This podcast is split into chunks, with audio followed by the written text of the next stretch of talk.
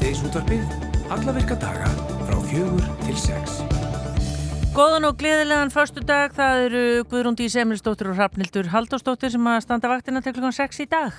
Já, það er eitt og annað sem við ætlum að taka fyrir og reyna að spila svona leta tónlist á þessum, já, allavega góðveristegi hérna á suðvesturhóttni landsins. Við hefum náttúrulega að fara aðeins yfir spanna, það var nú hundleðilegt í gær og, og í nótt, já, meðal annars og holdt að vera heið og þar ykkur. Já, norðvesturhóttni fekk að finna fyrir því. Já. Staðaskálið,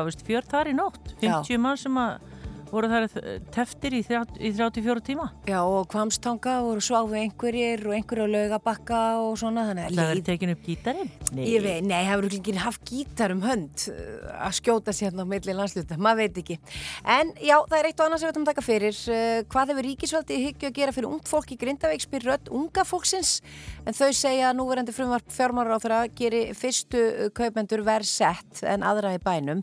En eins og ljóstur orðið þá allar ríkið eða gerir ráð fyrir að kaupa fastegninni Grindavík á alltaf 95% brunabótamati fasteignarinnar og þetta úrræði hendi ekki öllum og þá sérstaklega ekki þeim sem að eh, já, voru fyrstu íbúðar kaupendur. Við ætlum að fá til okkar Helgudís og eh, Sævar Þór á eftir eh, til þess að ræða þessi mál. Já, svo ætlum við í sund því að það er við heyrðum í fréttunum þá að breyta eins opnunum tíminum og borgin hefur svona komið til mós við þá sem að hafa mótmælt þessu og meðal annars hefur Óli, Ólafur Egilson leikari gert það, hann kom nú meðal annars í síðiðsúttarpið og uh, bara lamdi í borðið og sagði hingað ekki lengra og við skulum sjá hvað skúli segi, hvort við hlustuðu hann. En það eru sagt margi sem að uh, vilja einhvern veginn, þetta er svona grunnþjónusta, þetta er eitthvað sem að mjög margi gera bara reyfing, þetta er bara það mikilvægast sem gera á hverjum degi. Skúli Helgason, hann er formaði menningar og íþróttu og tómstundráðs allar að koma til okkur og segja okkur bara helstu breytingar og, og á hverja var hlustað. Já, og við ætlum að eh, fræðast um teimi innan landsbytarna sem að nefnist DAM-teimið en það er þverfaglegt teimi sem að sinnir DAM-meðferð. Það eru einstaklingum með langvarandi og djúbstæða tilfinningarlegan óstöðuleika sint og, og eh, teimið eh, náði þeim langfráð áfang á dögunum að ná byðlista úr 100 manns og niður í 0. Ég myndur að kalla það ansi gott, Rafnaldur. Já, þeirstu að gera þetta víðar. Já, að ná bygglistum niður. Hún Ragnhildur Bjarmann Eiríksdóttir hjúgrunafræðingur. Uh, hún er einn þeirra sem þarna starfar og hún veit allt um þetta og ætlar að koma til okkur að segja okkur frá. Svo er það Vala Guðna, söngkona, hún er önnum kafin eh, núna sem á endra nær og hún starfar sem náttúrulega söngkona og er líka söngkennari í söngskólum í Reykjavík. Við viljum að ræða við hann í dag, þetta er svona föstudarspjall bara um söngnám almennt. Eru margir að læra að syngja bara hverjir eru horfinir, hverjir eru atvinnumöguleikarnir og ímislegt fleira og svo bara hvernig, hvað er að frétta henni sjálfri og svo ætlum við að heyra líka af ymmit talandi um söng, uh, söngvara þá er nýr söngleikur sem að verður frumsýndur og það er ymmit uh, nefndur hennar og annara sem er í söngskólum Reykjavík sem að þar syngja, það er Bugsy Malone Ú, Já. það er nú klassíst. Talandi um leiklistarhæfleika, ég veit ekki hvort þetta sé söngleikur, en við lásum um það á Facebook að Sigurbjörn Átni Argrímsson, frálsýrhutta Sjeni og lýsandi hér á Rúf og skólameistari framhaldsskólan á laugum, hann er að fara að stíga á svið fyrir norðan með leiktelt eblingar og nefndu framhaldsskólans á laugum og það ekki fyrsta sinn. Við höfum náttúrulega ekki hugmynd um það að í Sigurbyrni átna lendist leikari og hvað þá, ég bara leikari sem að stígur sí endur tekið á svið. Þannig að við ætlum að ringja norður og eftir og heyra í uh, Bjössa og, og, og bara hvað er að frétta. Já, en við ætlum að byrja á þessu. Það var tekið í notkun í gær sjálfvirt meðal hraða eftirlit í kvalfjöragöngunum og til að forvittnast aðeins meiru þetta er í, á línunu hjá okkur Auður Þóra Árnóndóttir, hún er umferðadeildar vegagerðanar. Kontur sæl og blessuð. Komdu sæl. Hvað þýðir þetta meðal hraða eftirlit í kvalfjöragöngum? Eh, Þetta þýðir það að það er tekinn mynd af öllum sem að aka inn í göngin og líka þegar þeir aka út úr göngunum og síðan er eh, við lengt kaplans eh, er þekkt og þetta er tímamæling, það er sem sagt mæltur tíminn sem það tekur að aka þennan tiltekna kapla og þá er hægt að reikna með allsaðan af því að það er, hraði er vegalengt dilt með tíma. Og hvað? Ef ég fer á hratt meðal hraðan, þá hvað? Já, þá hérna er tekin mynda þér sem að fer til lauruglunar í eh, laurugls, eh, fólks, eh, starfsfólks lauruglustjórnars á Vesturlandi sem að sendi þér sagt. Er þetta í rauninni, sko, kerfið, er það sífælt að breytast og er þetta orðið svona nútímanlegra og betra kerfi heldur um bara þessa myndavila sem við þekkjum núna af þjóðvegunum? Ég, ég held ekki til fullirt að þetta sé betra kerfi. Við auðvitað erum áfram með það í rangunum stöðum en þetta er tímalust framtíðin því að þetta eigur líkunar af því að fólk ekki á jöfnum hraða í staðan fyrir að vera kannski bara að keira hratt og rétt að draga úr hraðanum við myndavillarnar. Þannig að þetta er örgla miklu betra og við vitum það samkvæmt erlendir í reynslu að þetta hefur betri áhrif, enn en betri áhrif á umferðaröryggi en sjálfvirka punktræða eftir liti. Já, en ef ég sagt, er svo vittlaus að keira of hratt og meðalhraðin er á hár, er sektin þá svipuð og ég hefði fengið ef ég hefði náðst á myndavill? Sko, ég, nú verð, sko, vegagerðin sér bara en tæknilega, hérna, uppsæðja tæknilega hluta þessa verkefni. Já. Allt viðkomandi sektornum, það er bara lögreglunar. Við erum ekkert að spá í það og tilgangur, ég vil bara ítrekka það sem ég hef sagt áður, að tilgangur með þessi er fyrst og fremst að auka umferðaröryggi Þetta er umferður örgisaðgerð því að saði hefur gríðarlega mikil áhrif, hann hefur bæði áhrif á það að, e, að slís, eigur líkunar að því að slís verði og svo eigurna líka, líka of mikið hlæði eigur líkur því að afleggingar slísana verði alvarlega. Mm. Þannig að það er alltaf vinna enga að tapa með því að stilla umferðarsaðanum í hóf. Já, en ég meina, leiku grunur á að fólk hafi verið að aka of frætt í göngunum að því að þið velji þessa staðsetningu? Eh, ég held að það sé hérna engin spurning að það er bara að það þarf að passa sérstaklega vel raða í göngum af því að slís, þó að sé ekki sem betur fyrir mjög mikið um slís í göngum þá eru slís í göngum, þau eru alvarlegri en slísa ef þau verða en slísa opni vegi. Þannig að það er sérstaklega mikilvægt að reyna að koma í veg fyrir að sé hraðakstur í göngum og þetta er alltaf mikilvægt að stilla aukur hafa í hóf. Ég bara hvet fólk til þess bara til þess að hérna, komast heilt heim. Já, er, og ég menna, meðu ekki búast við þessu bara um allt land, allavega með að hérna, þetta gengur vel? Við eigum hérna tvö sett tilbúin núna, líklega fer annað þeirra e, í, upp í fáskursverðagöngum Uh, því var nú bjargað, því setti var nú bjargað sko undan hraunni á Grindavíkuveginum eða sem sagt áður en hraun rann yfir þetta er að sagt og hérna síðan er við með hérna alveg nýtt sett, alveg tilbúið sem við erum svona spáið að setja á opni vegi, hugsanlega einhver staðar á ringveginu millir víkur og kirk, kirkjubæðklusturs. Mm. En það er ekki alveg, það er verið að skoða, það þarf að vera allt til staðar að magn og fjarskiptu og ímislegt svo að þetta gangi upp, en við erum svona að skoða eins að möguleika. Já, en ég eitt bara að lokum ef fólk hefur einhver ágjör á því að þessi verða að mynda sig, hvað verður um myndirnar sem eru teknar þarna hjá stránkheðalegum sko... borgurum sem að kannski Já. fá ekki segt. Það, fólk þarf ekki að hafa nokkrar ágjörð þessu því að ef að fólk er ekki brotlegt og hefur ekki ekkið yfir mörgum þá eigðast myndirnar í myndavelunum og fara aldrei burt frá þeim. Já. Það er úr þeim. Þannig að það fólk þarf ekki að hafa nokkrar áhyggjur. Ég þarf ekki að vera búin að laga mér hárið neitt, sérstaklega hana. nei, nei, nei, nei, nei. Þetta er, fólk þarf ekki að hafa neinar áhyggjur eða ykkur löglega. Já, það, það er alveg örugt. Það er gott að heyra, en við byggjum þá bara vegfærandur á núti, sérstaklega þá sem er að akka núna í gegnum kvalfæra göng, að fara vallega sem og alltaf við vitað, annars bara lenda þeir í vondumálum. Já, bara endilega fara varlega og ef það er mikil umferð þá er kannski aðalatrið að passa að hafa gott bíl á milli bíla. Það mm. skiptir líka gríðarlega miklu máli. Já. Auður Þóra Átundóttir, fórstöðumöður umferðildar vegagernar, takk helga fyrir að vera á línni hjá okkur og góða helgi. Eh, góða helgi, takk sem við leiðis. Já. Svo er landsleiku hvenna í knaspinu, staðan er 1-1, Serbia, Ísland. Við munum leiða ykkur að fylgjast með. Helgur betur.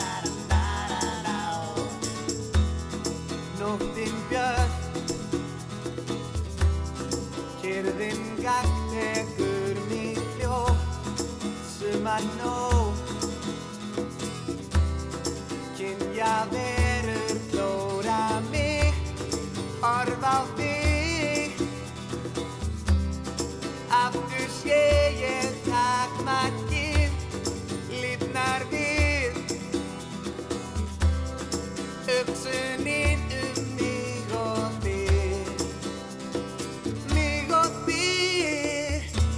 gefur og flott. Ég veit þið langar til að finnst það svo gott að geta fríðað hugan þig Fundin föst Þú sem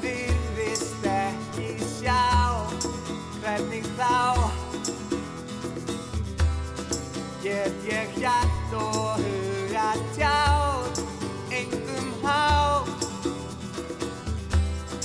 Tæki færið gæti mitt Hjarta þitt Er það eina sem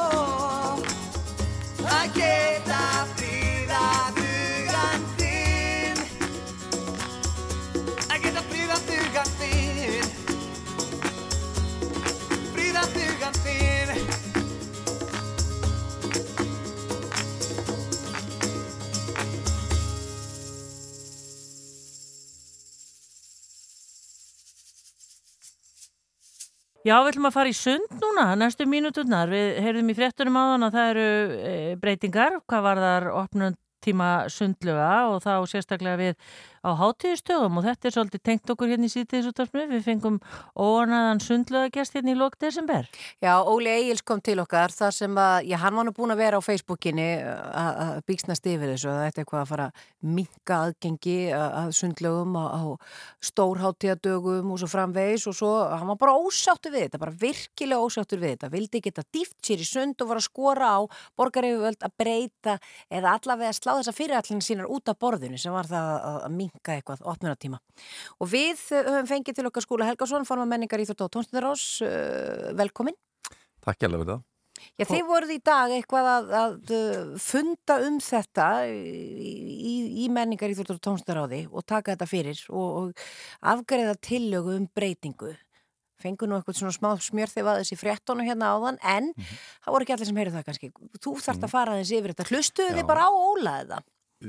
Meðal annars Óla og ymsa fleiri, hérna, þú veist, það, við vorum að prófa nýtt mótel í fyrra sem að, sem að kom svo sem ekkit endilega til að góða, bara þurfti að spara, þú veist, í borgarrekstrinum og þar með var sundið og velferðarkerfið og skólanir og allt saman undir.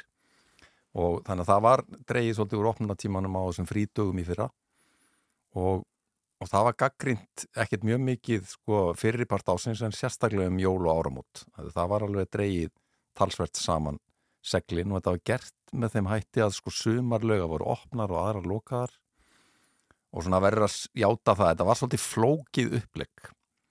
Það var erfitt einhvern veginn að ná utanum það held ég fyrir bara venlegt fólk. Býtu hvenar er mín lög opin og Já. hvenar er hún lokuð? Og það var svolítið svona eh, já já bara eftir á að higgja hérna of flókið og ekkert alveg hugsað onni, onni drep sko hvaða áhrif myndi að hafa bara upplifun fólks að því að fara í sund? Já, og það eru náttúrulega talandi um sko mín laug. mm Þú hróplar ekkit endilega mikið við þessu hjá fólki. Nei, nema skiljanlega, ég held að þú veist, maður er svolítið sjálfur þannig, maður fer gætnan í einhverja eina aðarlaug og svo er maður að prófa aðra svona eindrum og sinnum sko. Já, en, en í dag voru við sem sagt eftir talsveit mikla yfirlegu að, að samþykja nýtt upplegg sem að verður mun einfaldara, það er miklu auðveldara að ná utanum þetta um, það er líka meira jafnbræði á milli hverfa var aðeins gaggrínt að það var svona hallaði svolítið á Östuborgina laugarna þar voru meira lokaðar heldur en vestanmegin og, og miðsvæðis í borginni. Og, og hérna það sem við erum að gera núna er að við erum bara, við erum bara að gefa verulega í aftur. Við erum að stóra auka þjónustustíð og opnatíman á þessum stórhættíðum bæðum páskana um svona 25% Mhm. En aðarlega um jól og áramót þá er verið að lengja opnatíman um já, vel yfir 100% það er 137% svo maður hafið það nákvæmt sem að fjöldi opnan, opnunar stundana Já, en getur ekki verið en bara skúli að því að þegar að einmitt Ólafur kom til okkar þá hafði hann farið, ég held að það hafi verið vestubæðalög, ég vonið sér að fara með þetta rétt en þá einmitt síndi það sig að það var ekki þverfóta fyrir fólki og allir fóru bara, voru allir í mikill nánt í pottunum og í lögunum að það kannski bara komið aftan að ykkur að þeir vissu kannski ekki hversu vel þetta væri sótt á þess svona dögum eða hvað? Jú, sko, það sem gerðist var þetta að í fyrra var fyrirkomulagi þannig að það var, voru svona þrjár til fjórar laugar opnar og þá uh, þrjár til fjórar lokar á sama tíma. Það sem gerðist það bara að það var yfirfullt í þeim lög, lögum sem voru opnar sem skapar auðvitað bara, þú veist, það, það er ekki eins skemmtilegt fyrir fólk að í sund þegar það er algjörlega pakkað Mm -hmm. fyrir utan að álæði á starfsfólkið og svona streitan er bara meiri. Þannig að það er breytingin, sko, það verður aldrei þannig að verði e, bara 34 lögur opnar. Þú veist, þar sem við erum með skiptingu þá er þetta lámark 5 lögur opnar og þá tvær lokaðar og, og miklu fleiri dagar þar sem eru bara alla lokaðar en, en á móti kemur að opna tímin er þá eitthvað örlítið stittur á móti. Já, það er sé ég hérna um helgar til dæmis lögata og sunnudaga þá lokar nýju í staðin fyrir tíu. Er það tími sem að mjög fáir er í sundi?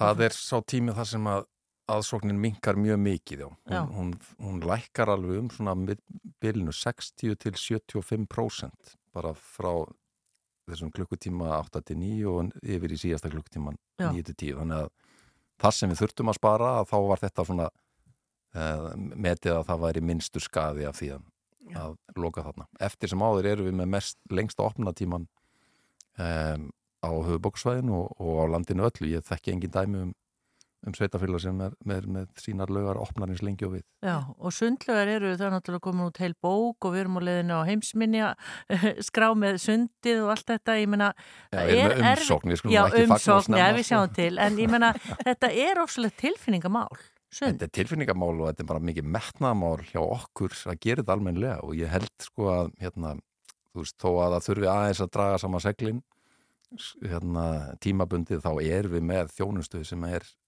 ekki bara fyrstaflóks, hún er bara á heimsmæli hverða. Þú þú ferði ekkit víða og finnur svona góða þjónustuð sem getur farið uppbyttaðar útilögar með alls konar varjöndum í heitum pottum og gufu og kaldi pottar og, og það sem er opið svona lengi og nota benið þar sem að aðgangsserinn er ekki hærri en þetta. Já. Þú veist, Þetta er luxusvara í, í löndunum í kringum okkur þar sem á annar borðið bóðið upp á eitthvað Já. sambanilegt. en er reksturinn þungur á sundlögunum, svona almennt Já, ég, nei, ég segi það ekkert sko, en það er bara þannig að þegar við þurfum að skera, skera niður og hagraða og spara, þá, þá er allur reksturinn undir Já. og þetta er alveg veiga mikið í, hérna, í til dæmis reksturinnum á okkar sviði, menningar og íþróttarsviði, þar eru þetta rekstur hana stór þáttur þannig að við getum ekki sagt hérna við ætlum að vera stikk fyrir meðan þið skerir niður í velferðarkerfinu og skólunum, Nei, nei. þannig að það vera bara allir að taka sína byrðar en við reynum og, og- ég er ánaði með það að í þessari vinnu að bæði hlusta á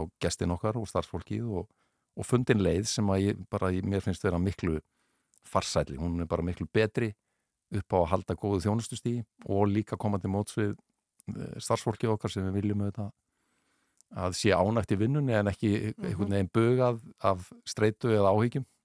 En er, verða einhverju dagar að því við erum nú kannski að tala bara núna páskarnir á næsta leiti og svo, já, fólk kannski strax fara að hugsa til næstu jóla verða, verða ekki einhverju dagar það sem er alveg lokaði er ekki einhverju er alveg bara- rauðir Það er bara einn dagur á árinu öllu, bara jóladagur þar sem alla lögarnar eru lokaðar. Já. hver fyrir sund á jóladag Já, maður veit ekki, Það er ekki, greinilega ekki En margir. þetta er nefnilega, þetta er eiginlega hálf ótrúlegt sko, ef maður bara fer í þessu, hvar getur Já. maður komist inn alla daga ásins? Já, nema. Nema eitt sko, Já. þú veist, það er ekki margar stopnarnir sem að geta flagga því að þær séu með það góðan opnatíma. Já, en auðvuglega eflust óbáslega margir og fleiri en Ólafur sem eru ánægði með þetta því að það er kærkomið mögulega til dæmis annan jólum þegar börninu voru alveg brjálu af sigur, æði og öllu þessu að geta farið öll fjölskyldan í sund. Já og það er auðvitað bara frábært og ég skil það mjög vel að þú veist þessi gaggrinn hafi komið upp að það er frábært þegar maður er í frí að geta stokkið í sund hvort sem að það er bara með magganum eða kærustunni eða, eða fjölskyldunni allri Mhm. og þetta er gæða stund, þetta er holdt fyrir okkur öll þannig að þú veist, við viljum eh, vera með einskoða þjónustu og mögulegtir. Og Fyrsta, það, já, fyrsta breytingin núna, fyrsta april er það ekki, þá Jú. breytist þessi kvöldopnum. Jú. aha, Það er sem sagt bara um helgar, þú veist, það er áfram óbyrti tíu alla virkadaga, Já. en þetta er bara lögða og sundar sem að er lokar þá klukka nýju Já. Og, og svo erum við að skoða alls konar hluti, ég svo við förum í bara svona hildarrýni á emitt opnatímanum og gjaldskráni og, og skoðum það, þú veist, er, er hérna hægt að búa til eitthvað sveigrum, til dæmis tekjum einn, bara skilða eftir hjá okkur svona í lokin sko að við erum að rýna það og höfum fengið eh, ábendingar um það og skoða að margir að bent, svona furða sig á því þú veist að við erum til dæmis að því að við erum með frýtt fyrir eldri borgara. Það þýðir að við verðum af heilmiklum tekjum til dæmis af erlendum ferðamönnum sem eru 67 ára og eldri sem að fara í sund en, en borgi ekki neitt. Já, og maður svona spyr sig, þú veist, þetta er kannski fólk sem á uh, alveg nóga peningum og myndi ekkit munum að borga þúsund kall í sund eða 1300 kall. Já. uh, þannig að aukna tekjur þar geta gefið okkur kost á því að jafnvel lengi opna tíman enn frekar. Þannig að það er eitthvað sem við munum rýna á næstu mánuðum. Að þið verið- hafa búin að týra um hann Ólaf Egil sérna núna í þessu spjalli, ertu búin að heyri í honum? Já, ég reyndar hringdi í hana því að hann hafi hérna, hringdi mig um jólaleitið og var hérna, að viðra sína skoðanir og ég sagði bara eins og var, við vorum búin ákvæða, við munum rýna þetta og, hérna, þegar við vorum tilbúið með þetta þá ákvæðinum bara slá á kallin og segja hann frá þessu. Katt sattur?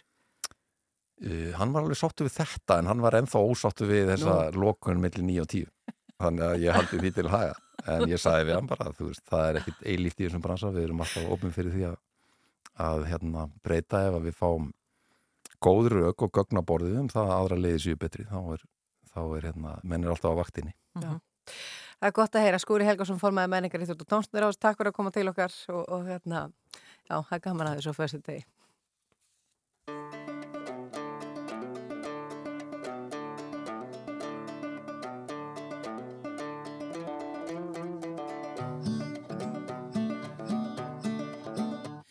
Ain't Texas. Ain't no hold'em. So lay your cards down, down, down, down. So park your Lexus and throw your keys up. Stick around, round, round, round, round. Stick around. And I'll be damned if I can't slow dance with you. Come pour some sugar on me, honey, too. It's a real live boogie and a real live hold down. Don't be a bitch, come take it to the floor now. Woo! There's a tornado, in my city. In the basement. That shit ain't pretty. Shit ain't pretty. Rugged whiskey. We surviving. We surviving. Of red cup kisses, sweet redemption, passing time, yeah. Ooh, one step to the right. We headed to the dive bar we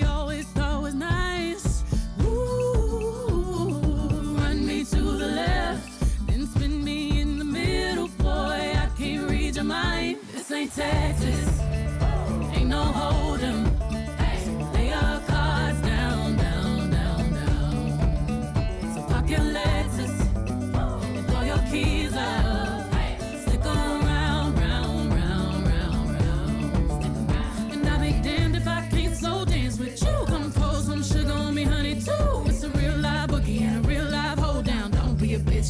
it to the floor. I'll be damned if I cannot dance with you. Come pour some liquor on me, honey, too. It's a real live boogie and a real live hold down. Don't be a bitch, come take it to the floor now.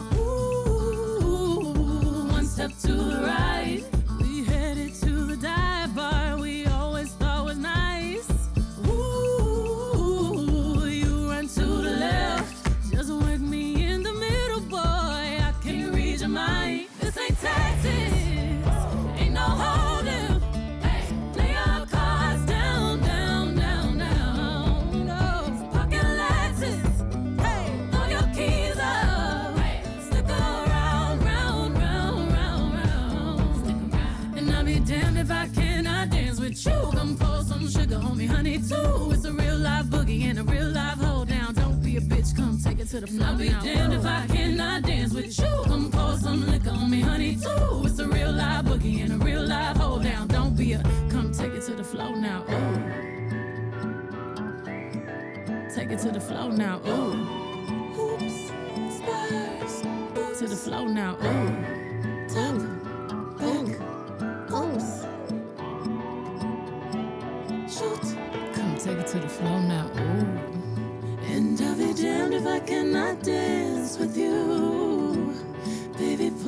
Sugar and liquor on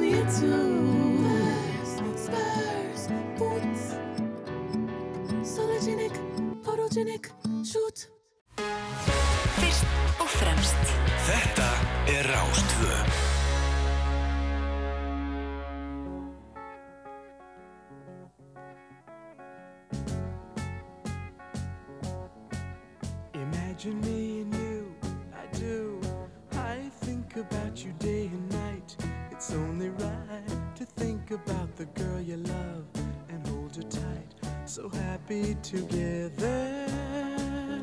If I should call you up, invest a dime, and you say you belong to me, and ease my mind. Imagine how the world could be so very fine, so happy together.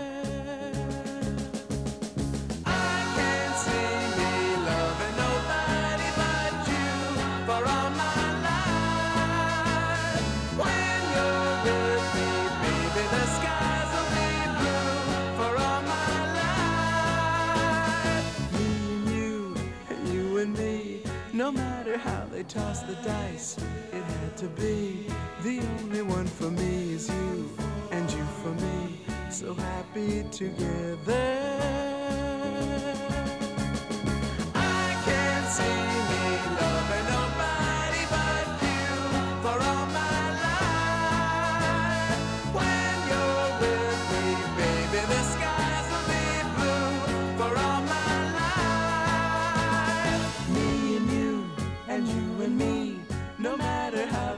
The dice, it had to be.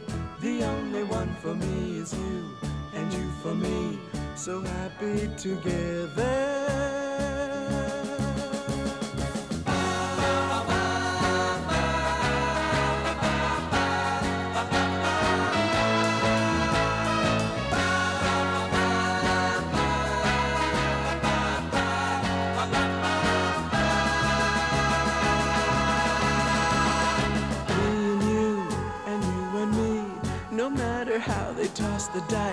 It had to be.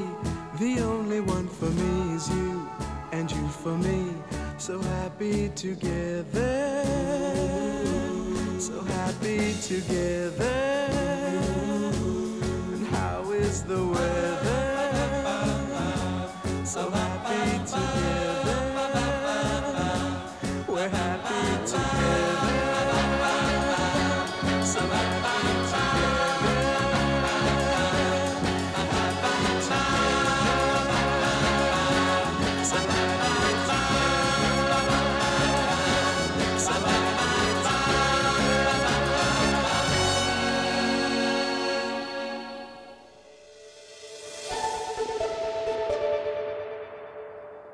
Happy Together á förstu degi hér í síðdegis útarpinu með The Turtles. Þetta er nú gamalt og gott, Rafnildur. Ég er nú hrættu það. Já. Við ætlum að, að fara að ræða það uh, eða ræða aðeins fyrstu uh, íbúða að kaupa eigendur í Grindavík. En hvað hefur Ríkisvaldi hyggja að gera fyrir ungt fólk í Grindavík? Að þessu spyr rödd unga fólksins en þau segja að núverandi frumvarp fjármálráðara gerir fyrstu kaupendur versett en aðra í bænum en eins og ljóstur orðið. Þá gerir ríkir á fyrir að kaupa fastegnir í Grindavík á alltaf 95% brunabótamati fastengarinnar.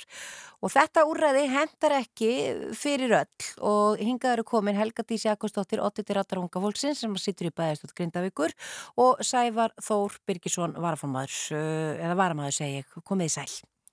Sæl. Sæl, og takk fyrir að fá okkur. Já, takk fyrir að fá okkur. Já, takk fyrir að koma. Já, þið eruð uh, eins og þið segið, uh, það er ekkert að segja þessu óanað með þetta frumvarp í heilsinni, er það? Nei, kannski við byrja þá viljum við, samt, viljum við taka það fram að við fögnum þessu frumvarpi og það tók mörgum mjög jákvæðum breytingum eins og að fólk fengi út ári til að hérna ákveða sig hvort það vildi taka þessu. Uh, Forkupsrétturum var breytur úr tveim árum í þrjú ár. Uh, það kom að einn umgengnisréttur, þú veist að þú myndi selja og mætti maður umgangast eignirna sínar. Og svona annað sem hérna er mjög bara jákvætt. Og það er jákvætt að það sé verið, að það sé þarna kostur á borðinu fyrir fólki til þess að uh, bara fá svona taka málinn svolítið í sína hendur og þú veist ákveða svona smá öryggi. En það sem við erum að benda á er að það er þarna hópur uh, oftast und fólk en það eru fleiri auðvitað. Og fyrstu kaupendur sem voru kannski búin að kaupa og átt að fá afhend eftir rýmingu og hafa jafnvel aldrei farið inn í eignina sína eða þá átt að fá uh, afhend bara, eða fengu afhend bara rétt fyrir rýmingu eða nokkur mánuðum setna og fastegnaverði var náttúrulega að hækka í Grindavík. Þannig að brunabótamati hjá þeim 95% af því er ekki fara að ná þegar það búið að gera upp sko, þú veist, lánið, þá standaðu eftir með ekkert eigið fjö. Þannig að þessi úrræði þannig að þau í raun og veru er þetta frumvarp ekki val fyrir þau. Nei. Og þetta er svona hópur sem Á við kannski ekki eitthvað inn á bankabók sko ekstra með við þetta. Nei, bara búið að vinna sér alveg inn til þess að reyna að eiga inn fyrir útborgun sko. Já, þetta er í rauninni bara sparifíð sem hefur búið að vinna sér inn í eitthvað tíma og svo er þetta viðbóta lífur spartaðurinn, mjög líklega útborgun þar sem var skattfrjáls sem mátt nýta og þetta er svona að hverfa hjá þessum hóp. Mm. Og þið til þess að þessi stór hópur uh, sem hefur fólk komið að máli við ykkur?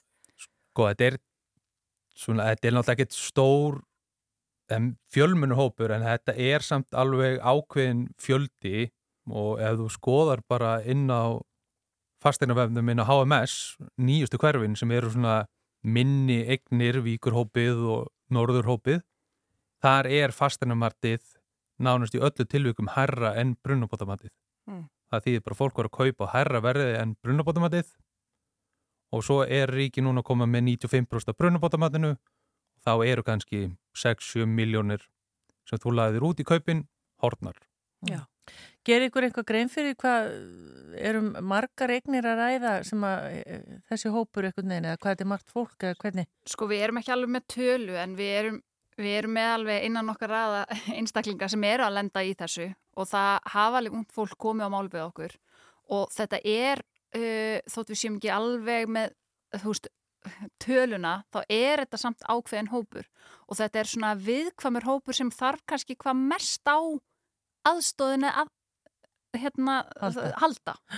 Og þetta er í oftast flestum tilvikum er þetta ungt fólk sem er kannski búið að hérna, koma með börn, er í fæðingarólofi, er í námi, voru að koma undir sér fótunum og það er einhvern veginn, það er ekkert sem grýpur þau Nei. og þú veist, þetta er ekki, þetta frumvarp er ekki kostur fyrir þau. Já, Þó hva- þetta sé kostur fyrir mjög marga, vil aftur taka það fram, þetta er að aðstofa mjög marga, Já.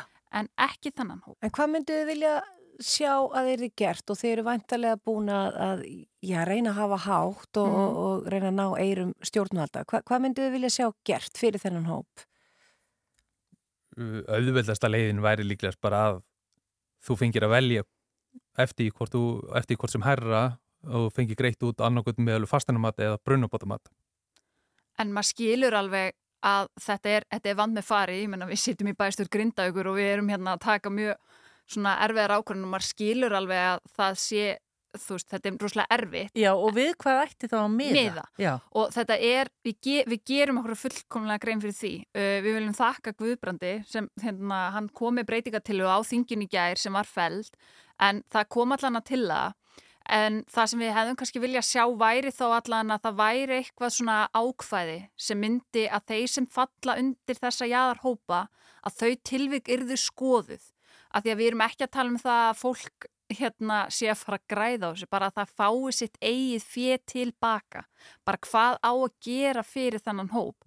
Þannig að eins og það er mikið búið að ræðum til dæmis eins og lögheimilisskilirðin og það er svolítið opið í lögunum og það verður bara tekið hvert tilfelli svona fyrir sig. Það hefði til dæmis verið ein leið en það þarf allan að kannski bara eins og núna kom landsbankin með í gær sem bara fagnar efni að fólk geti fært hérna kjörin sín með fasta vexti og slíkt á láni sem það mun taka þá núna og var ekki fyrstu kaupendur senustu tvö ár þeir fá Fælt niður lántökugjöldin. Já, þannig að þú veist það hefði kannski verið hægt að hafa að þeir sem keiftu eign seinasta eitt og hálft árið að þeirra tilfelli væri skoðað með viðmiðun við þetta þannig að það þarf ekki að hafa fyrir alla en allan að þeir sem voru keiftu kannski senasta einu og hálfa árið þar er því skoðað fasteignumat versus brunabótamat. Allan að einhverjar svona opna klausu þannig að þetta fólk gæti leitað í það.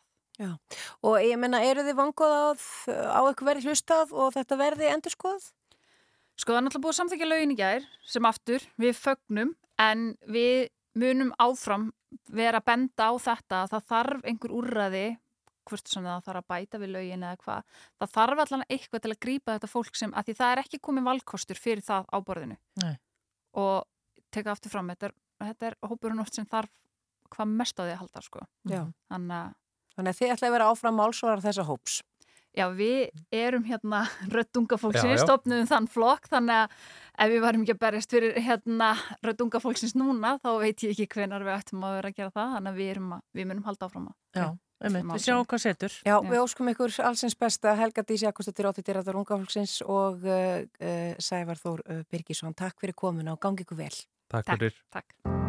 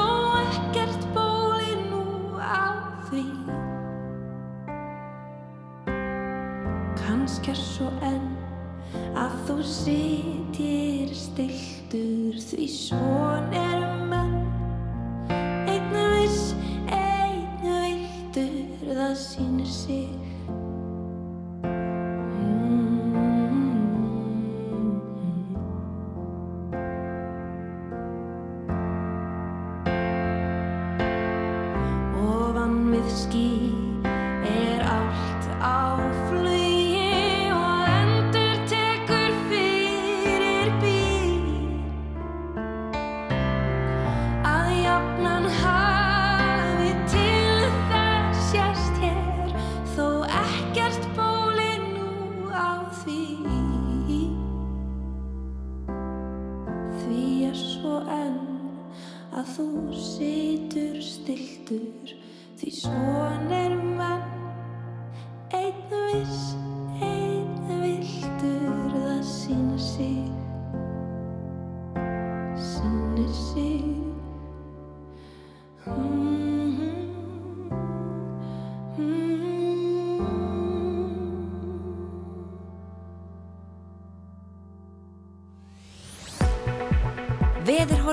næsta sólaringin. Það er komið að því að kíkja eins á veðrið og mér sínust nú vera um land allt e, bláar tölur nema þær eru nú hérna e, á Suðvesturhorninu og Suðurlandi eru þær pluss en þær eru ekki háar. E, það er solrikt í höfuborginni og á svona, já, verðist verið í Vestmanheim ágættis veður og svona. E, spáin er svoljóðandi, norðlega átt yfirleitt 5-13 metrar á sekundu, norðvestan 18, nei, 13 til 18 austanlands í kvöld. Það verða jél fyrir norðan og austan en annars bjartviðri og hitin í kringum frostmark og svo dregur jéljum norðan heiða á morgun, herðir á frosti og það verður 0 til 8 stiga frost síðdeis og uh, þetta verðist nú vera Það er allavega ekkert óvöður í kortunum hérna um helgina sem er nú kannski bara það bestu fréttinnar eða ekki? Jú, jú, Þorri allar að kveðja uh, í frosti. Já, það er konundagur, er það ekki, á sunnudagi? Já, já, já, það er svo alveg. Góu, góu, það er allavega góu kaffi sá ég auglist á mándaginn. Já, já, góa tekur við. Já. En við erum annars að fylgjast með leiknum Serbia, Ísland. Rafnir, þú varst nú að útskýra það eins fyrir mér áðan. Vá, er, ekki byggja með endur taka, ég þarf þá að finna fréttina. Þetta er, þetta er mjög mikilvæg leikur. Þetta er bara þannig að það skiptir máli að vinna í rauninni báða leikir eða ekki. Jú, það er semst annar leikur núna á þriðutan, við erum semst að keppa við Serbíu og þetta er fyrirleiku liðan í umspili um sæti í aðdeilt undankefni EM í knaspinu Kvenna Mhm. uh -huh. og svo staðan er semst 1 og það er 1 og 29 eftir að, eftir að leiknum og svo pluss fjóra myndu, þannig að ennþá 5 minútur eftir og við hér í sítiðsútöfnu leifum ykkur að fylgjast með. Já, já, sjálfsögur gerum við það. Já.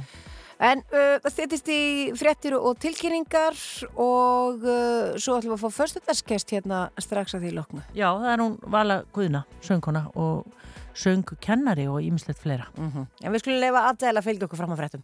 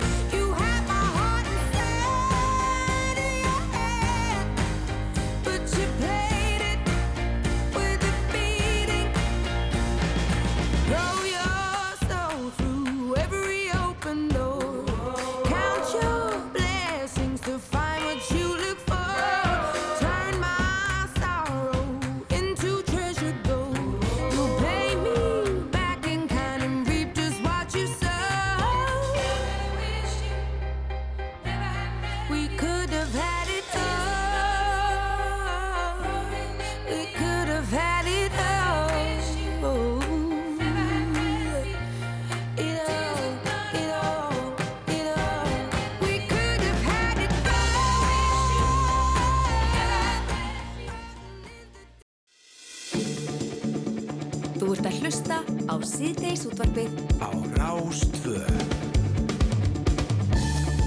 Það held ég við höldum áfram í setni hálfleiknum hér í sítiðsútöfnu og það er eitt að geta þess að leikurum fór 1-1 við Serbíu og þau eru að krifja leiki núna í sjónvarpinu og við fórum að vita allt í kvöld hvað þetta þýðir. Já, þetta er sann svekkjandi því að Við vorum betri, eða ekki? Jú, jú, vorum miklu betri En hérna, við ætlum að gera ímislegt hérna á eftir, hún ætlar að koma til að konu Ragnæður Bjarmann Eiríksdóttur og segja okkur frá uh, berkilugu teimi innan landsbytalan sem heitir DAM uh, teimi og stýrir þar DAM meðferð, þetta er á geð, sagt, geðsviðinu og þau náðu þeim árum frá dögunum að þau fóru bygglistum 100 niður í 0 Já. Og við ætlum að við fögnum því hér. Það mættu allir taka sér þau til fyrirmynda myndi ég segja. Já, og svo ætlum við að ringja í Sigurbjörn Átna sem við þekkjum um öll úr, úr frjálsu íþróttunum sem lýsandi meðal annars og hann hafði þetta skólamestari á lögum. Já, já, hann er algjört íþrótta séni og, og, og frábær skólamestari en það sem við vissum ekki fyrir við lásum á, á Facebook í, í dag er að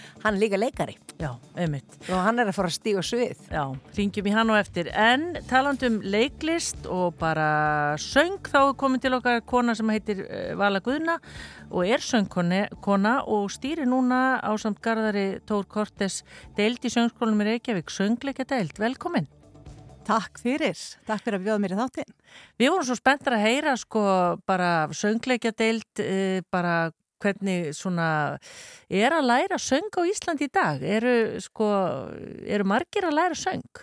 Sko, það eru margir að læra söng og það er til dæmis, um, hvað ég segja, það er mikil eftirspurn í söngleika nám og þetta er alveg glæni deild og uh, það hefur verið deild í, í söngskóla Sigurðardemens, frábæð deild sem ég tók þátt í að stopna og vann þar í nokkur ár.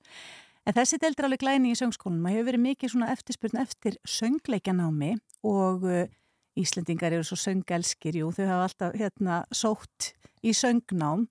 Það sem er kannski vandamál er það að skólanir eru svo fjársveldir, þannig að það er erfitt að halda þessu gangandi. Já.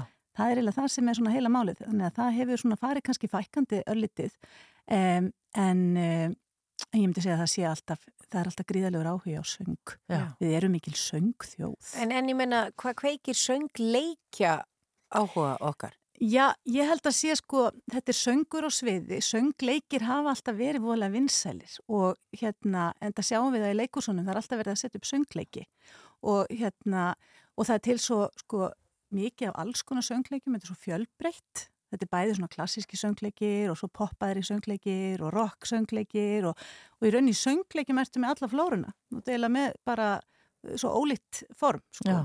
En er Já. þetta fólk sem að er jafnvel búið að læra klassinska söng fram að þessu eða hvernig? Já, það er bara að blanda. Við erum með þess að alveg frábæran hóp, þannig söngskólum er ekki auk, í þessari söngleika deild og þar eru bæði krakkar sem er í rauninni bara að byrja og líka eh, krakkar sem hafa verið í klassísku námi og langaði til að spreita sig á söngleika forminu. Mhm. Þannig að við erum með mjög svona fjölbreyttan og, og, hérna, og dýnamískan hóp og svo er þarna krakkar sem eru líka að spá í leiklist og eitt strák sem er komin inn í leiklistaskólan. Þannig að þetta er svona, ég myndi segja að þetta væri, Já.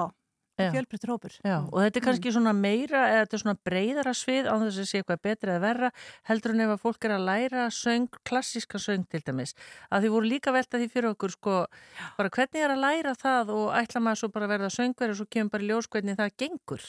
Já, sko það er náttúrulega, já, hvort sem það eru söngleikir eða hvað það er, að þá náttúrulega skiptir máli að fá góða grunn, uh, sko, kennslu og þjálfun. Og það er til dæmis það sem ég lærði, ég lærði bara klassískan söng, þó ég hafi síðan valið að fara í alls konar áttir og fara í söngleiki og allt mögulegt, þá er uh, það að læra, uh, sko, þessa söngtækni er svo mikilvæg.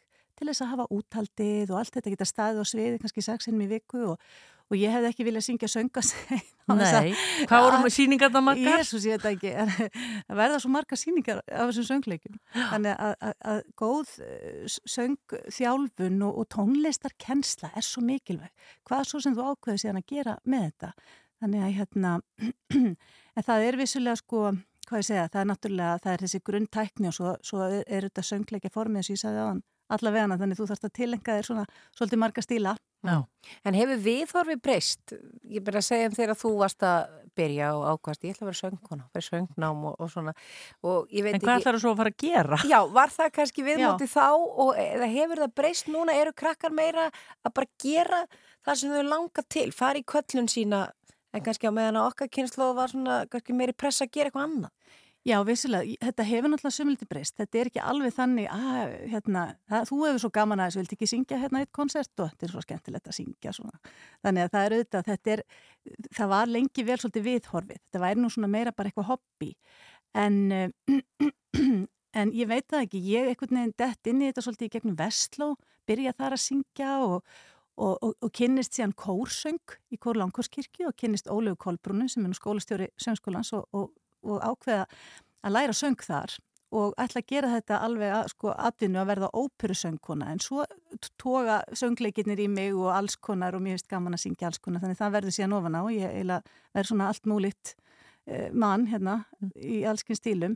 En uh, ég veit ekki hvað skal segja, það sem er kannski sárast eh, finnst mér er í rauninni hvað uh, sko við erum þetta frábara kerfi hérna, tónlistaskólana og uh, ofbáslega mikið gróska, góðum söngurum, hér er fólk að uh, syngja í óperuhúsum erlendis og, og við erum að sjá hvað er að gerast bara á tónlistasviðinu og þetta sprettur ekkit fullskapað úr engu, þú veist, er, það er ákveð náman bak, bak við þetta og mér finnst mikilvægt að við hlúum að þessu námi, þannig að, að, að söngurinn, að, krakkar sem ákveða að læra að syngja, þetta eru kannski krakkar í mentaskóla, maður byrja svolítið setna. Nú eru þau, hvað, þrjú ári í mentaskóla og það er búið að styrta það nám, þannig þau hafa minni tíma, þið veitir, fyrir hérna allt augreitis. Þannig þau eru kannski að detta svolítið útrussu og, og ná ekki einhvern veginn að halda utanum þetta því að, að uh, og það er annað líka í þessu að nú er nefnilega staðan þannig að þú mátt ekki vera eldri en 25 ára ef þú ætlar að byrja að syngja. Af hverju ekki? Ég bara skil þetta ekki og þarna bara byðla ég til Ha, þetta vissi ég ekki. Ja, þetta vil að þetta, þessu verður breytt, nei þetta er, þetta er nýtt sko. Er þetta ekki bara á þetta ekki við um allt tónlistan á? Sko þetta er... Eða á þetta bara við um söng? Nei, þetta er bara ef þú, þú í rauninni, sko, uh, nú tala ég bara út frá þessu söngnámi þannig það sem ég er að vinna. Uh -huh. Að áður kannstu kannski þú varst búin með einhver stig í grunnnámi og svo kannski ákvæmst þú að fara að eiga börn eða eitthvað og svo langar þig að koma og klára þetta ágæta nám. Já. Og þú ert kannski um 26 ára.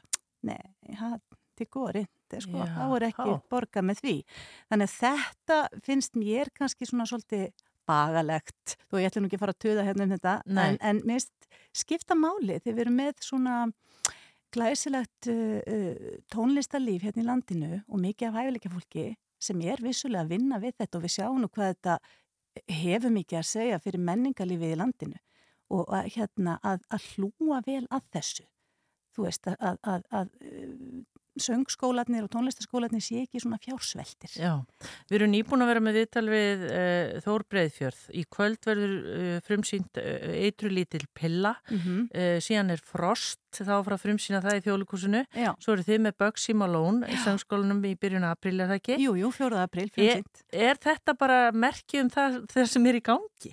Já, það er bara mikil gróska. Ég myndi segja það. Við sjáum þetta bæði með söngleikina og, og það sem er að gerast í skólanum og, og, og ný deild í söngskólanum þarna, söngleikja deildin og þar er ung deild líka svakalega flott starf sem þar er unnið og í klassísku deildin líka. Og svo sjáum við þetta líka á óperusviðinu. Það er að spretta upp óperusýningar hér og þar, óður í þjóðleikuskjallaranum og, og það er, þið vitið, það er greinilega og það er bara, selst bara vel á þetta allt saman. Já. Þannig að það er greinilegt að það er áhugi fyrir því og við viljum auðvitað hérna, eh, geta menta góða söngvara, er það ekki? Jú, en ég menna hvað er nýju líf? Það er kannski ekki söngleikur en það, Já, það er að samt... einhverju leiti. Já, ég myndi segja það. Er það ekki meina- bara það vinsarasta sem hefur verið hér í ára raðir? Jú, ég held um þetta söngleikir, þetta eru síningarnar sem eru síndar mörgu sinnum í viku, þið vitið. Það er, og, og svona stikki það sem er söngur, ég meina söngur á sviði. Að söngleikús er eitthvað sem að er gríðilega eh, svona vinsalt og mikilvægt, finnst mér. Mm. Ef að fólk kemur inn til dæmis eins og til ykkar í, í hérna, söngskólinni Reykjavík og, og sækir um, hva, hvað þarf fólk að kunna og geta? Getur... Sko, þú kemur í inntökupróf og uh, þú þarft náttúrulega fyrir það fyrsta svona helst að geta haldið lægi og hérna... Lámaskrafa. Söngleika nám er svolítið krefjandi nám auðvitað og það hefur en, en, en hérna, en það geta allir sko bara komið í svona pröfu og ég meina það er bara leiðbeinni maður og það er til dæmis ef að þú átti gerindi í, í, í svona krefjandi söngleika nám eða kannski óperunám að þá getur verið að séu söngnámskeið eða það er svona ímislegt sem að sem að, að hérna, að, og þá kannski þetta byrja þar jafnvel, meðan þú ert að ná þér í svona ákveðin grunn og svo getur þá sóttum og, og, og farið í þá eitthvað sem er aðeins meira krefendi sko. Þannig að þið sjáu það aldrei það svart að þið finnið ekki farveg fyrir flesta. Svona flesta sko en, en, en auðvitað náttúrulega kannski einstakar sinnum að þá þá gerist það ekki. En segðu okkur aðeins af þessari síningu, Bugsy Malone. Ég Já. man eftir að hafa séð, var það Vestló síning sem að, Já, þetta var, þetta hefur ekkert mjög oft verið sett upp sko, þetta var sett upp í loftkastalanum og, og hérna alveg frábær þýðing Davíð Þós Jónsson og hann er nefnilega þýða sko tvo nýja texta fyrir okkur við lög sem að voru ekki í þeirri síningu og ekki Vestló held ég, svo eh, sko hefur Vestló sett þetta upp og svo hefur þetta verið sett upp svona hinnum að þessum áhuga uh, leikhópum. Og uh, Og Vestló var ekkert með neina krakka sko þannig, jú, táninga en, en, en svona alveg upp í tvítugt sko og hérna og, uh, og við erum með eh, fólk á þeim aldri, svona Mm. sitt hverju með við tvítugt sem er að setja upp sko. og þau eru mæntalega með, þú veist, hljóm, lífandi hljómlistaflutning. Við erum með hljómsveit og, og hérna við erum með frábæra leikstjóra með okkur, hérna Níels Tíbát og, og, og hann hérna Tómas Helga Baldursson og svo er þarna dansöfundur Júlía Kolbrún alveg, þau eru ofsalega flott með hópin Já. og uh, En hverjir fá úr deildin ykkar að koma fram? Já, það, fá, það er öll deildin að koma fram og við vorum með inntökupróf, pröfur, þar sem að hérna e, var valið í aðalhlutverk en það fá í rauninni allir þetta er það svo skemmtilegt stykki, það er svo mikið að gera fyrir allan hópin. Það er alls konar lítið hlutverk og það er alls konar hópatriði og þetta er náttúrulega þessi tónlist eftir hann að Pól Williams er algjörlega frábær, Já. skemmtileg og lifandi og þannig það er í rauninni myndi ég segja að sé svona svolítið mikið að gera hjá öllum en svo eru ákveðnir þarna með, með aðeins svona veiga meiri hlutverk. Já. Og þetta verður frumsýnt hvenar? Sko þetta er frumsýnt 4. apríl og það eru bara í rauninni, sko það bara seldist strax næstu upp á frumsýninguna sko, það eru bara í rauninni tvær síningar en við ætlum að eiginlega bara held ég, ég veit það ekki, hvort það lítur að verða aukasýning sko. Og verður sínt í Já, við hérna vorum svo heppin að það eiginlega myndaðist rými í þjólikúsinu að því að orð gegn orði fór upp á um, stóra svið, stóra svið frábær síning og hérna og þá var akkurat myndaðist gluggi og þjólikúsið er svona til sína viljan í verki og styðja við þessa nýju söngleikadild þannig að við verðum þar. Vá, spennandi. Vala, bara svona rétt í lokin árum hverðu þig, hvað á að gera um helgina? Herðu, ég er náttúrulega sko eh, pínu galinn, ég hérna er, skal ég segja, þér, í svona gungu fjallaleðsögu námi, þannig ég er að fara, reyndar ekki um helgin að síga í sprungur og nota ísaksir, en ég er búin að vera nörd upp á baki, jarðfræði og grasafræði og allum möguleg meðaldri vinnunni sko, ég er í svona 50% námi, Já. þannig að hérna um helgina er ég alltaf að ganga, því ég er, það er svona mitt, hvað ég segja, það sem ég bara verða að gera, ganga á fjöll, nú og, og, og svo fer ég mögulega á miðilsfund og ég fer á Miðilsfund? Já, það er, sko, það er einn hérna í hópnum sem er miðill. Þannig að ég er að fara á svona skikni lýsingafund. Vá. Og hérna, e, svo er alveg ríkala skemmtileg tónleikar sem að ég man allt í ekkert hvað hljóstin heitir en þetta er hérna, frænka mín er að prómotera það. Þú Þeir hefur smá tíma til að segja frá Já, því. ég- Já, ég ætla að þetta er alveg agalega skemmtilegt band, sko. býtum við, Og er þeir á morgun? Þeir eru, ég segja, á morgun og hérna, og...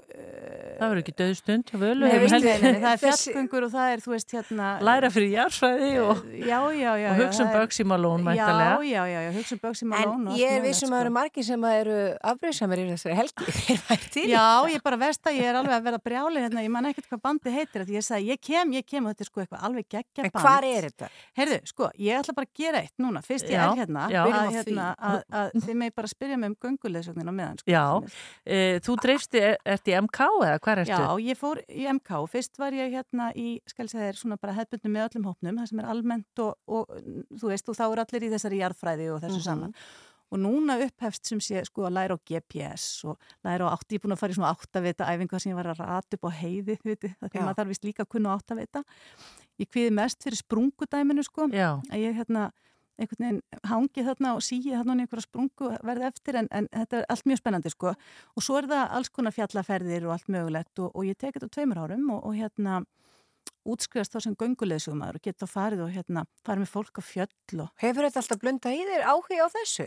endalust sko í mörg ár og ég bara hérna ákvað að uh, einhvern veginn bara drífa í þessu. Ég vissi reyndar að gera því svona mikill vinnu með.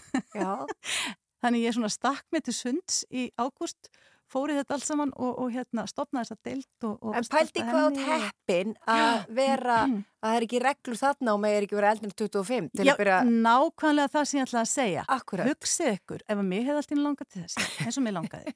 og það hefði verið sagt, nei, þú ert allt og gömul. Er allt og gömul að fara að slá í þig, þú er 25 ára. Herri, ég er búin að finna þetta. Þetta er sko, þetta er Three for Silver.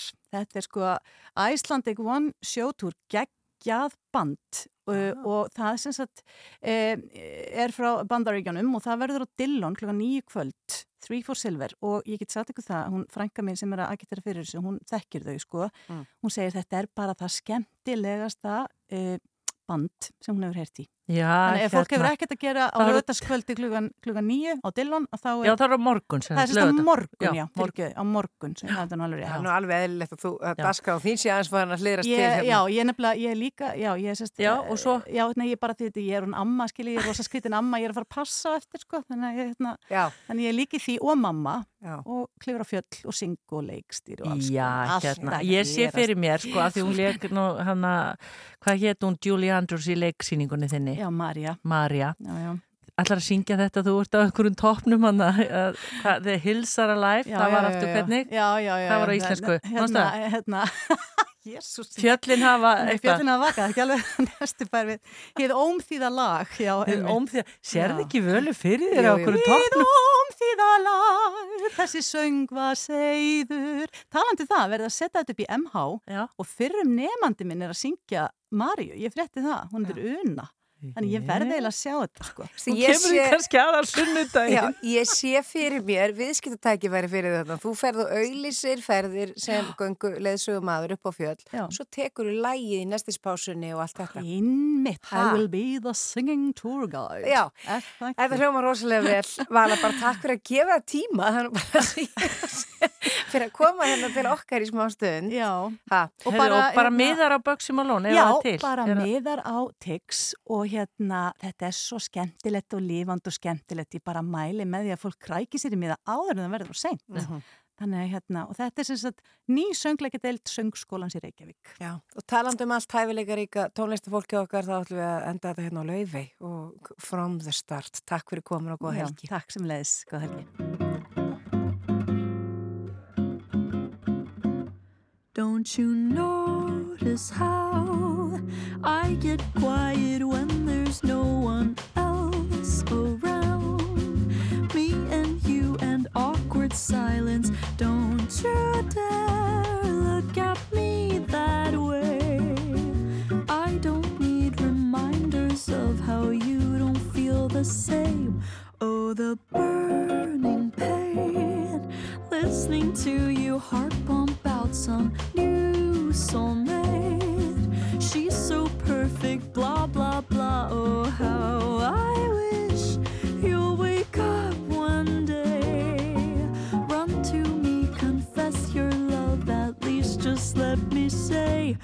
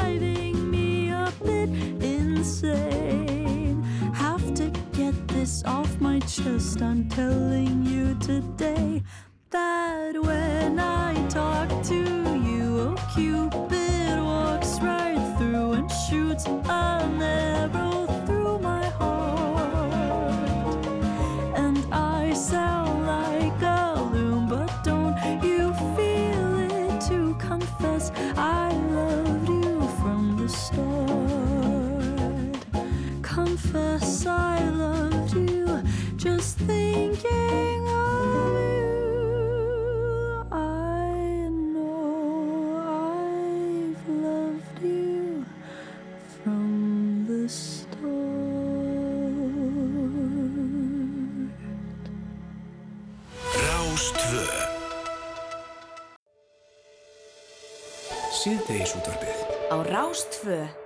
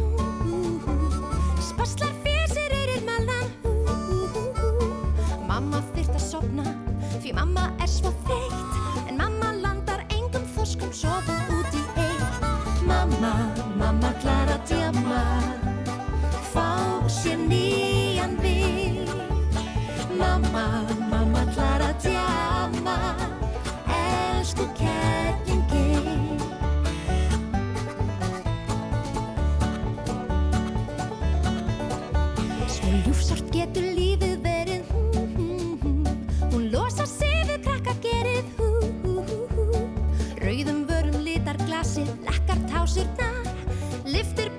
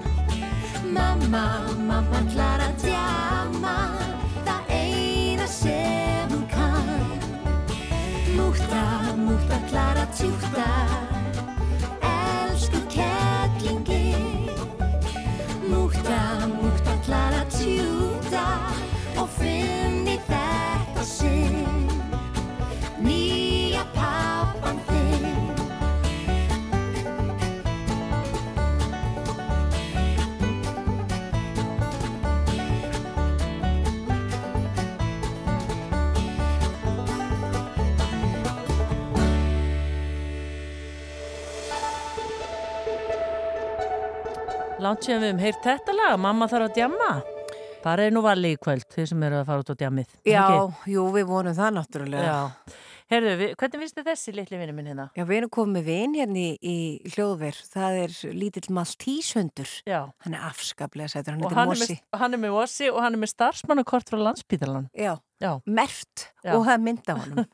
Við setjum mynda okkur inn á Facebook síður á svo tvö eftir smástund. En við ætlum að heyra því að mamma hans ætlar að segja okkur allt um teimi innan landsbítalan sem nefnist DAM teimið en það er sem sagt þverfaglegt teimi sem að sinnir DAM meðferð og þetta er DAM og þar er einstaklingum með langvarandi og djúbstæðan tilfinningarlegan óstöðuleika sint og teimið náði þeim langþráða áfanga á dögunum að ná bygglista úr 100 manns niður í 0.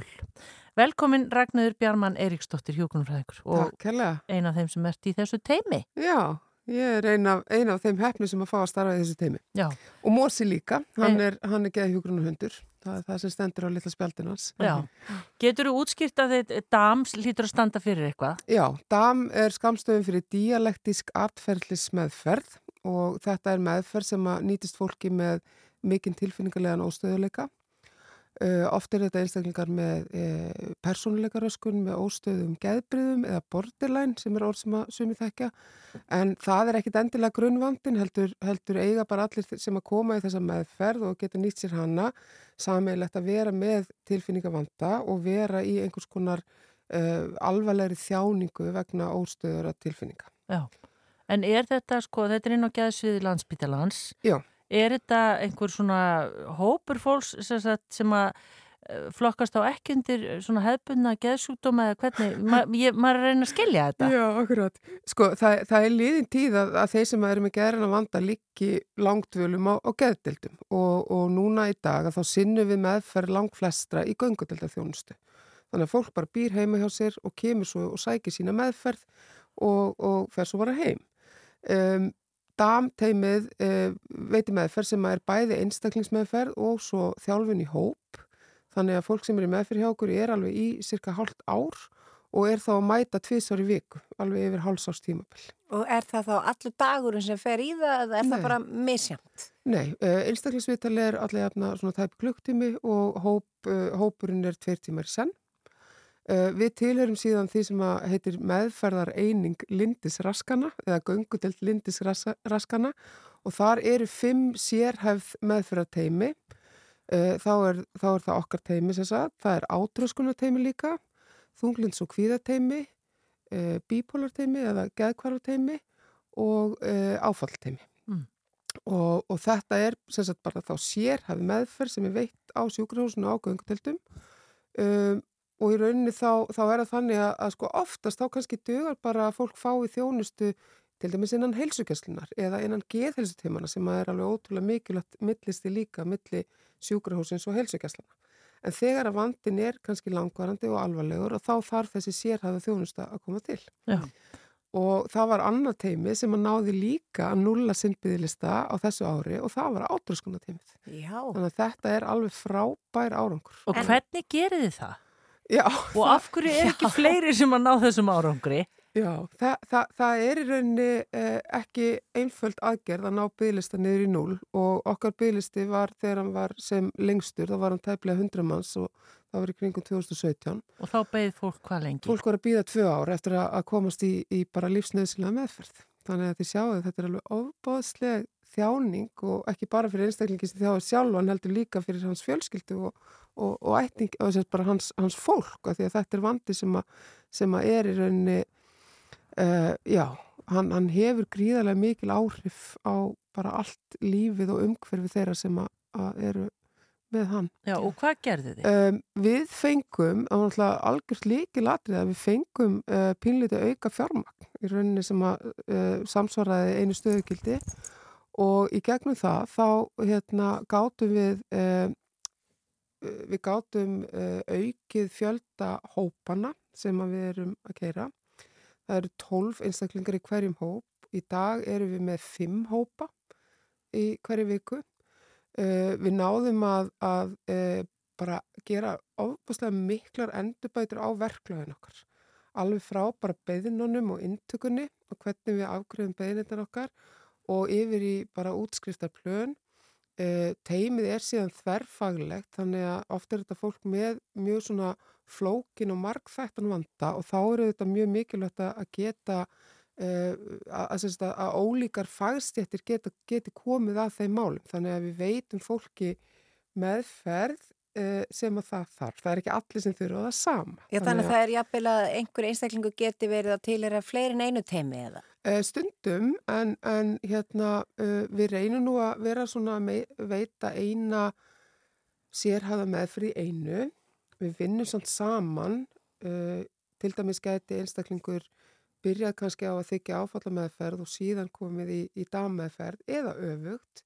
Við vinnum til dæmis mjög þjætt líka með bæði þunglins og kvíðateiminu og átrúskunateiminu og jú, hérna geðkvarateiminu líka og svo eru þetta ótrúlega mikilvægt samstarf líka við legudildinnar sem eru nýra hringbrött Mm. og endurhanga geðdildinnar sem eru á kleppi.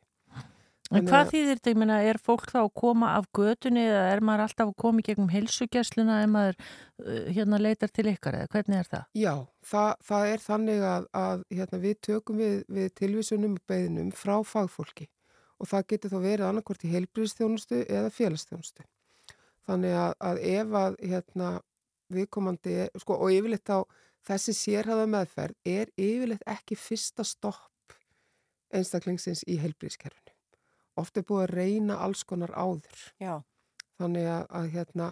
En, en, en, en þetta er fólk sem bara er einmitt eins og þú segir, búið að reyna og, og, og ekkert kannski gengi en þarna uh, fellur það vel að. Já, og kannski, þú veist, það, það er náttúrulega margir sem kannast við ham meðferð, hugræna atfellsmeðferð Mm. og hún er auðvitað svona fyrsta valið okkar við ímsum hérna uh, svona algengum vanda eins og til dæmis þunglindi og, og, og kvíða sjúkdómum.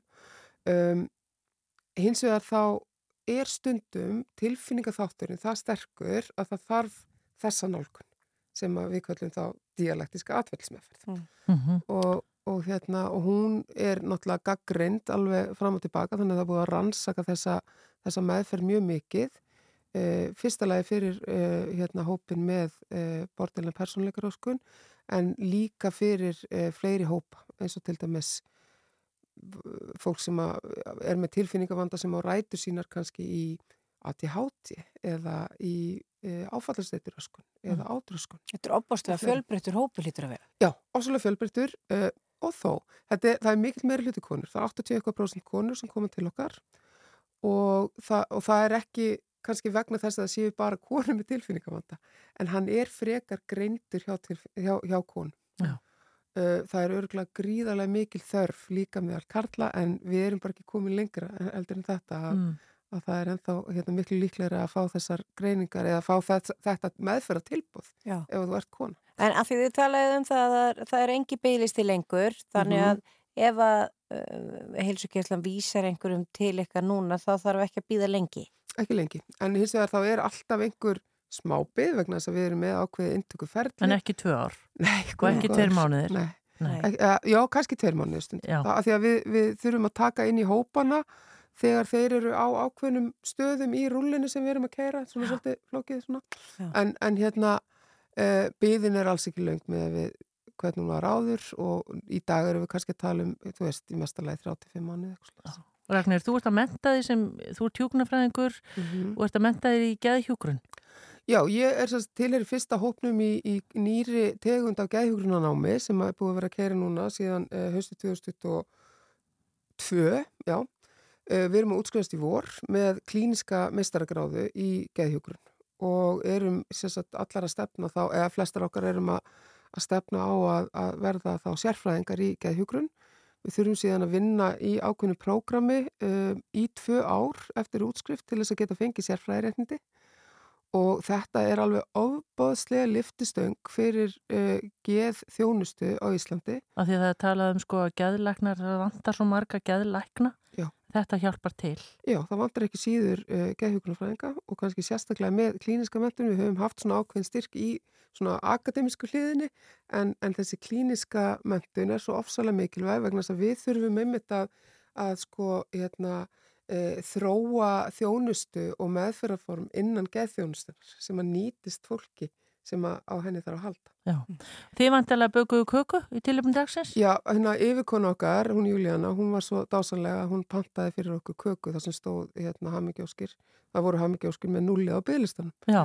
Og fór ég, að því ég er með mosa hérna í fangir núna sem þú sagði að vera geðhjúkunar hundur. Hann er það, já. Ég, men, ég hef bara sjaldan hitt ég hef geðkóðan hund, hann fer bara í fangi á öllum. Hann er líka með starfsmannskirtinni. já, já. Já, fer hann með í vinnuna? Já, hann er flesta daga með í vinnunni. Í dag vorum við síðan nýra ringbröð, þar sem er samt annar svona Maltís hundur starfandi á fíkningaðildinni. Já. Og hann heiti Simbi og þeir voru með lítinn svona starfshundahitting í dag. Já, já. Og, og hérna... Starfsmannafundur.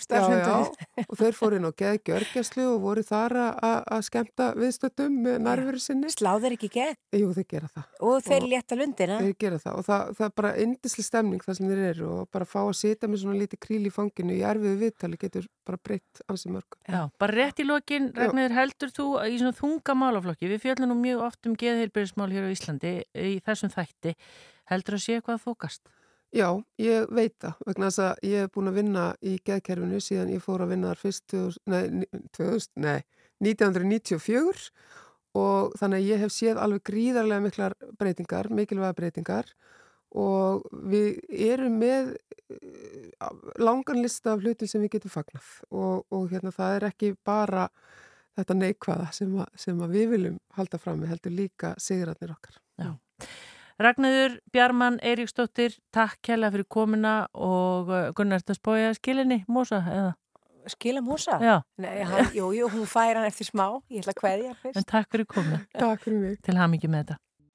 Síðdeis útvarpið alla virka daga frá fjögur til sex.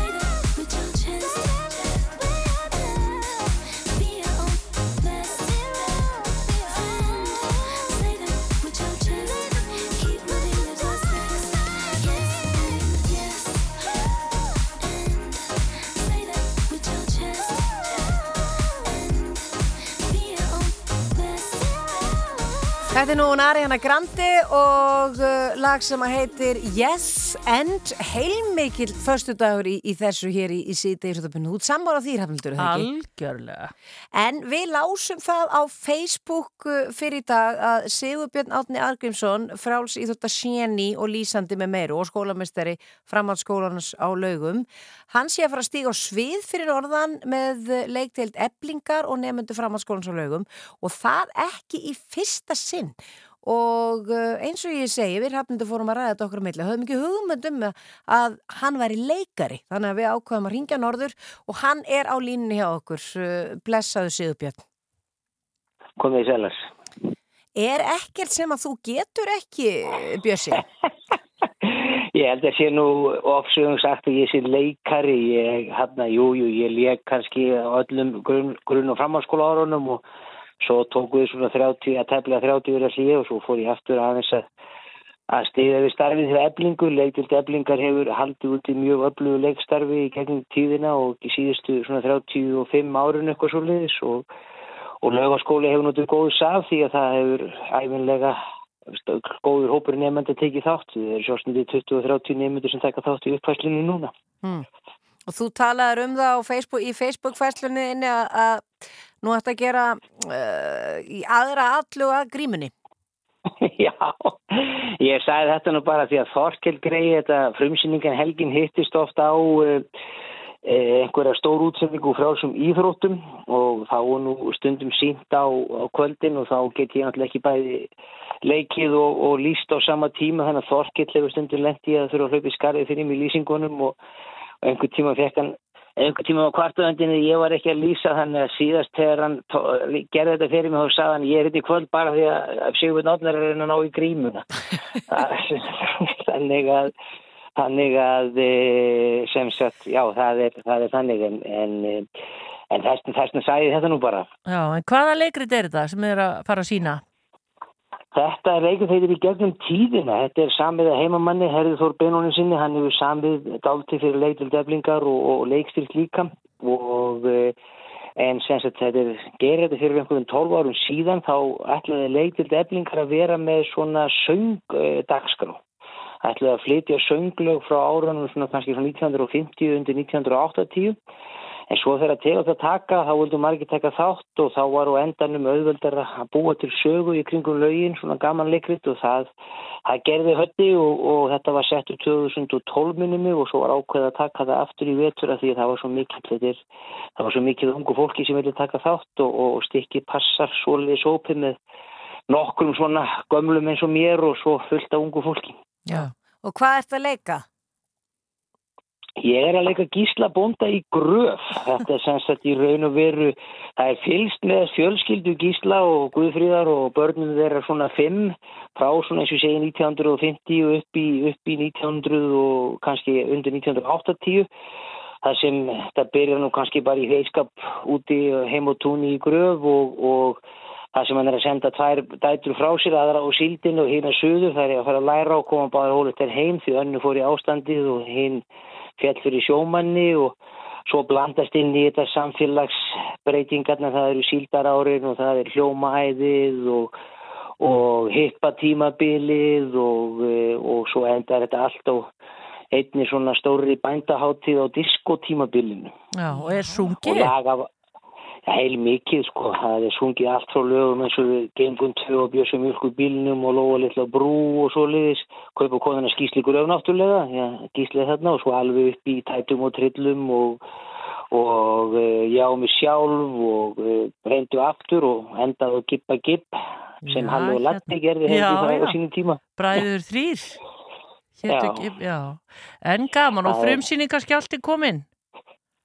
Í, já en nei, hann kemur nú yfirlt ekki fyrir svona, eh, við hefum eftir að taka, sagt, það verður frumsýnd eftir viku og við hefum eftir að taka náttúrulega, tala, tökur reynsli í kvöld og, og kannski á morgun eftir hvernig gengur í kvöld og svo er mikið um reynsli næstu viku og genulega pröfu og þá fer svona, fer þetta að koma, það er yfirleitt, eh, frumsýningin er yfirleitt ekki besta sýningin, það er svona kannski önnu þriðja fjórða, það er Já, hérna. En er, er búið að selja mikið að miðum? Þetta lítur að vera er- þétt setið. Það er, já, það er búið að selja dálítið. Þetta er svolítið skemmtileg eh, stemming eh, sem skapast þarna vegna þess að e, kringum aldamótin þá setti leikfélagið upp kabarett sem ég eiginlega skil ekki að þeim skulu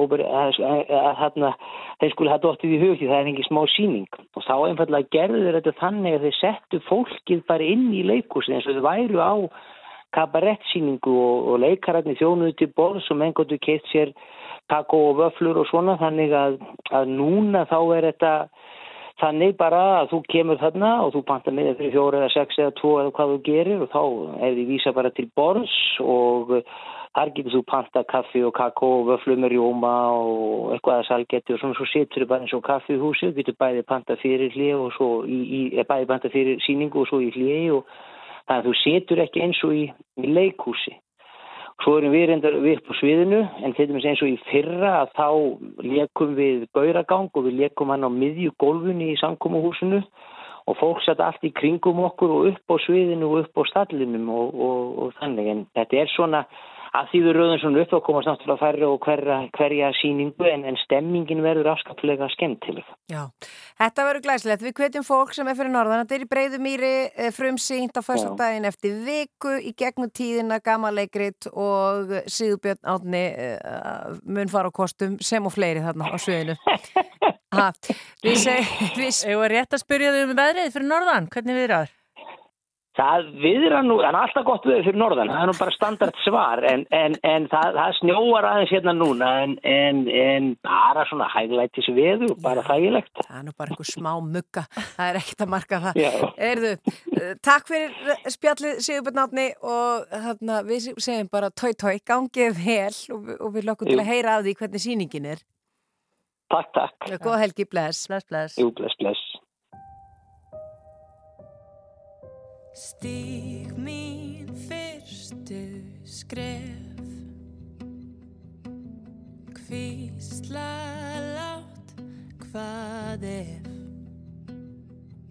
Ég leita að stjörnu sem vísa mér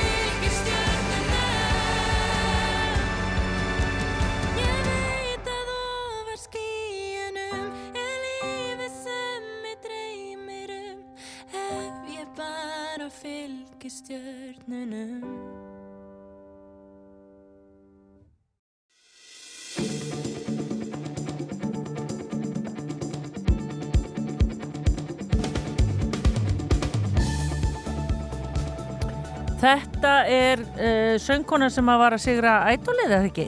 Ég held það alveg öruglega að þetta sé hún Anna Fanny sem að var að sigra ædolið. Það verður þá bara einhver að ringja og leira þetta. Ég er ekki svona að sigra það, frábær söngkona, við slúm bara að gefa okkur það. Algjörlega frábær. Já, ég var að sjá hérna áður en við segjum ykkur aðeins frá hverju þið mistuð af, ég veit eftir hvort við teljum það upp, en Gísli Martin, auðvitað á dagskrá í kvöld, eins og, það er mar- ég heiti konu hérna fyrir í dag sem starfar hér, sjá hvað að gera um helgina, já, ég ætla nú að byrja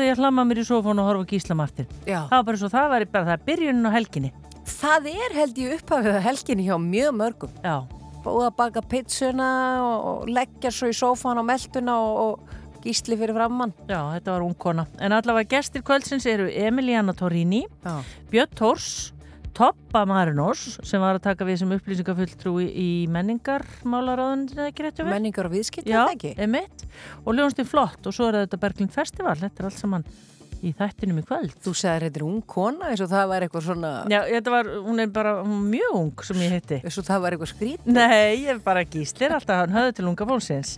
Hann höfða til allra en það er hann þrátt fyrir að vera orðin 50 Já. þá er hann með hann er ofsalega unglegur Ofsalega. ekki að ég sé að Það er hjólinn, hann hjólar hann. ekki að það að vera 50 sé einhver aldur Nei, er nei. engin aldur Það er engin aldur. nei, nei, nei, nei, nei. Herðu, það eru fáir sem ætla að gera minna, eh, nei meira heldur en Vala Guðna sem var gestur okkar í dag. Við erum ekkert að hérna, fara, hún, ég veit ekki hvað, hún hætti ekki að telja upp. Ég, veist, ég var það eiginlega bara pínu örmagna þegar ég heyrði af öllu prógraminu en spenntust var ég þó fyrir hún ætlaði á miðilsfund Já, vá. Það Þau eru meðlega að heyri henni hvernig það hefur verið. Já. Þau eru farið? ekki á fund Nei. nei, ég ætti að fara það væri svo gaman ha. Það væri virkilega gaman. Já. En við segjum bara við ykkur góði landsmenn hvar sem þeir eru stödd, bara njótið helgarinnar og farið valega og við auðvitað verðum hér aftur í sítiðisúttorfinu á mánudags eftirmiddaginn. Mhm. Þá er góa, mannstu, konudagurinn og sunnudaginn, Já. svo góan. Það er allir að muna það, konundagur og sunnundaginn annars gæti verið orðið ykkur vandamál.